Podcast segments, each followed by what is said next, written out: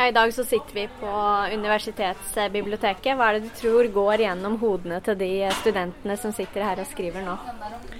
Nei, det er vel eh, mange som eh, jobber med eh, skolearbeidet sitt og prøver å forberede seg til eksamener og sitter og skriver arbeidskrav og eh, jobber sammen og har kollokviegrupper. Så det er jo et eh, perfekt miljø for, å, for, studenter å sitte sammen og, og prøve å få gjort eh, det de skal. Men det er krevende også? Det er absolutt krevende å være student. Det er nesten som at det er, det er, er en jobb. Eh, sånn at eh, man sitter jo og prøver å få gjort arbeidsoppgavene for dagen. Som student er det sannsynlig at du før eller siden blir i tvil om hvordan du skal skrive en oppgavetekst. I skriveprosesser er det også et vanlig problem ikke å komme i gang med skrivinga. Ved å delta på seminaret Shut up and write kan du som student dyttes i gang ved hjelp av et fellesskap. Toril Larsen Skillingstad, som arbeider ved Akademisk skrivesenter ved UiT Norges arktiske universitet, er en av veilederne. Ja, Shut up and write-seminar det er et eh, tilbud til studenter som har lyst til å få et lite dytt i baken til å komme i gang med skrivinga, eller eh, videreføre skrivinga si når man jobber med en oppgave, en eller annen akademisk tekst. Er det for alle studenter?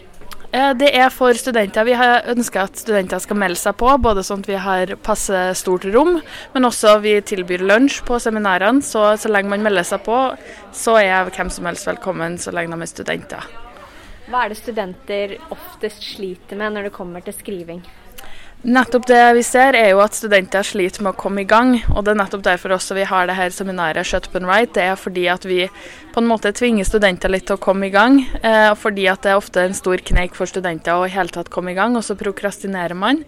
Og da er det greit å ha, komme et sted der man setter seg ned, og så jobber man sammen. Og så tar man pauser når det er pause, og så blir man litt sånn eh, satt i et rom med andre folk som også jobber, som gjør det mer sannsynlig for at man sjøl også får gjort litt.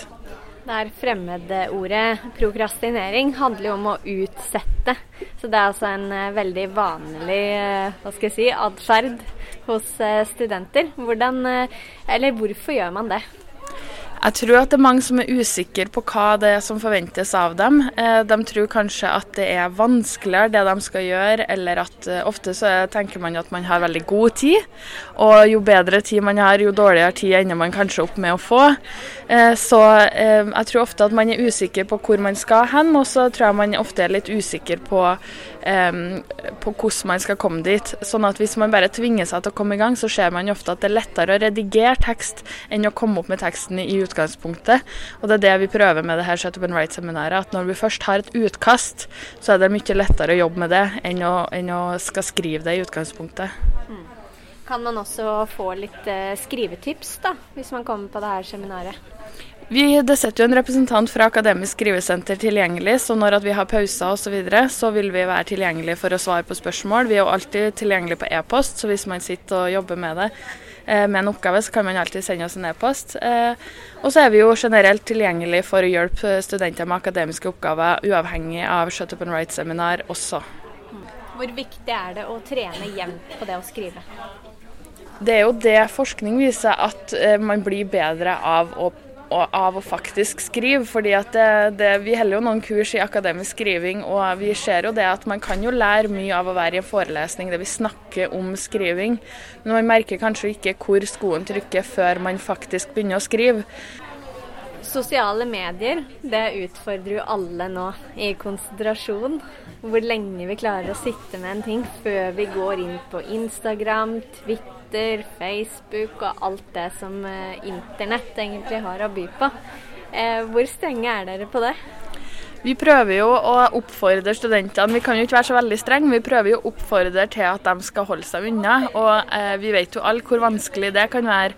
Så derfor så, så, foreslår vi sånne program som Det finnes program som heter både Self-Control og Cold Turkey, som du kan laste ned til dataen din, der du kan blokkere ulike nettsider for ulike tidsrom.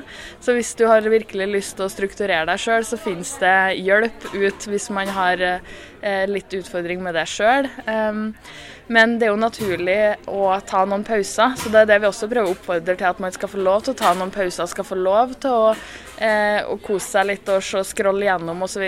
Men at man kan prøve å ta det i en pause, og ikke fokusere på det mens man skal ha arbeidsøktene. Så vi prøver å finne en balanse mellom at eh, det sosiale medier-behovet skal bli dekt, samtidig som at man skal prøve å få gjort eh, skolearbeidet sitt.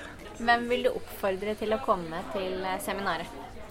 Jeg vil oppfordre alle som jobber med en tekst som syns er litt vanskelig å kanskje sitte på biblioteket eller ikke har funnet helt en plass der man eh, kommer i gang og føler seg ordentlig produktiv. Eh, så, så noen som skriver en tekst, som, eh, som, har lyst på hjelp med å komme i gang eller komme seg videre, de er hjertelig velkommen på seminar.